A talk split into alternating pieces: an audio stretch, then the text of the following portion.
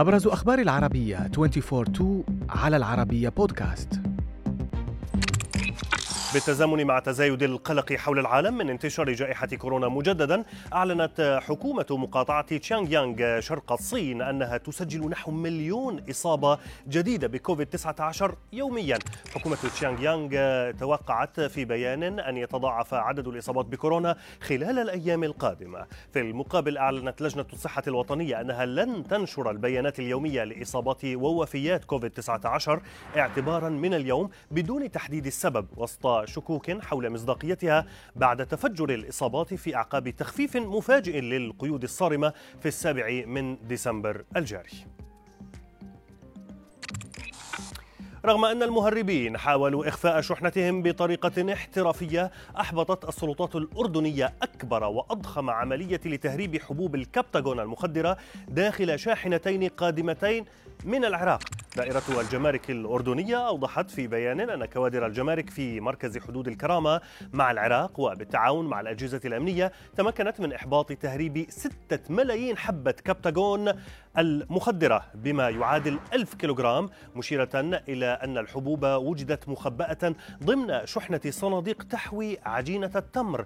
بعد عملية تفتيش دقيقة لشاحنتين مبردتين تحملان لوحات أجنبية.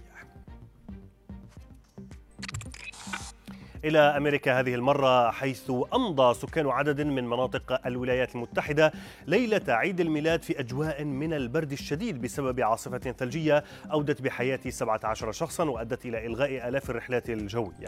خدمة الأرصاد الجوية الوطنية حذرت في بيان من خطر الموت بسبب البرد داعية سكان المناطق المتضررة إلى البقاء في منازلهم خصوصا مع انخفاض الحرارة إلى 48 درجة مئوية تحت الصفر في بعض المناطق. فيما طالبت شركات الكهرباء العملاء بترشيد استهلاك الطاقة خوفا من انقطاعها. زعم قرصان إلكتروني أو هاكر أنه تمكن من اختراق بيانات 400 مليون مستخدم على منصة تويتر مشيرا إلى أنه عرضها للبيع.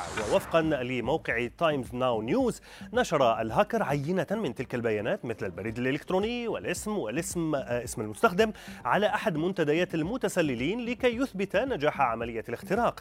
مشيرا إلى أنه وجه رسالة إلى رئيس تويتر إيلون ماسك دعاه فيها إلى شراء هذه البيانات من دون أن يحدد سعرا لها. وقال الهاكر إنه لن يبيع هذه البيانات في حال حصوله على المال من إيلون ماسك.